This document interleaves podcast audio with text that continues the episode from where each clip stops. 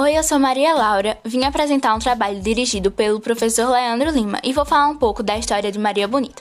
Filha de Maria Joaquina Conceição de Oliveira, conhecida como Dona Dea, e de José Felipe Gomes de Oliveira, Maria nasceu e cresceu em uma família humilde no povoado de Malhada da Caiçara, que atualmente se localiza no município de Paulo Afonso. Na época pertencia ao município de Santo Antônio de Glória, atualmente conhecido como Glória no sertão baiano.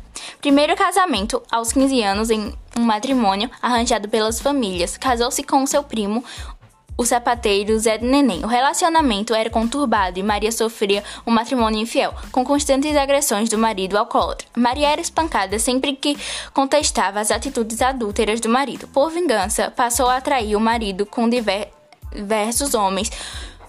Um dia, seu matrimônio ruiu de vez quando Virgulino Ferreira da Silva entrou em sua vida, tendo verdadeiramente apaixonado-se por ele, formando um triângulo amoroso. União com, com Lampião e ingresso no cangaço. Em 1929, ainda casada, tornou-se amante de Virgulino Ferreira da Silva, conhecido também como Lampião. Nesse mesmo ano, decidiu fugir com ele para fazer efetivamente parte do bando de cangaceiros, assim se tornando a mulher de Lampião, com quem era com quem viveria por nove anos. Entre o bando, Maria começou a ser chamada de Maria de Ideia ou Maria do Capitão, e, a, e assim a nova cangaceira aprendeu cada lei do bando. Conhecida por sua beleza e personalidade forte diferente de todas as outras mulheres do cangaço, Maria nunca foi abusada pelos cangaceiros e tinha diversas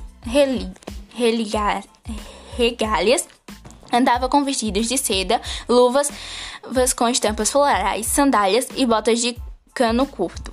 Também usava joias caras, broches, porta portava moedas de prata e enfeites de couro decoravam seus cabelos. No pescoço e pulsos usava o mesmo perfume francês que Lampião.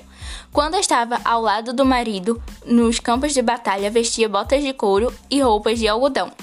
A vida de, no cangaço era difícil, onde passavam bastante necessidade e viviam se escondendo. Constantemente traída por seu companheiro, Maria tinha diversas crises de ciúme de Lampião, mas o cangaceiro tratava a sua esposa com paciência e carinho. Em 1931, inclusive, os dois viajaram para uma fazenda a fim de desfrutar da lua de mel que nunca tiveram. Para o jovem para a jovem cangaceira, no momento, aquilo não era suficiente. Diversos relatos afirmavam que Maria, por vingança, iniciou um caso extraconjugal com João Maria de Carvalho, um comerciante. Do amante, ela ganhava sapatos, roupas e outros presentes. E Lampião jamais desconfiou, ou Maria pagaria com sua própria vida. Sua morte foi em 28 de julho de 1938, quando os cangaceiros estavam acompanhados na Grota de Ágicos, em Poço Redondo, no Sergipe. O bando foi atacado de surpresa pela polícia armada oficial, conhecida como Volante. Eles foram mortos a tiros e posteriormente degolados. Maria tentava fugir foi baleada duas vezes, uma no abdômen e uma nas costas e logo em seguida foi decapitada viva por José Panta de, God de Godoy, o mesmo que lhe deu tiros nessa hora com a cabeça pendurada, com a cabeça separada do corpo, recebeu o apelido de Maria Bonita. Foi isso, obrigada pela paciência e atenção.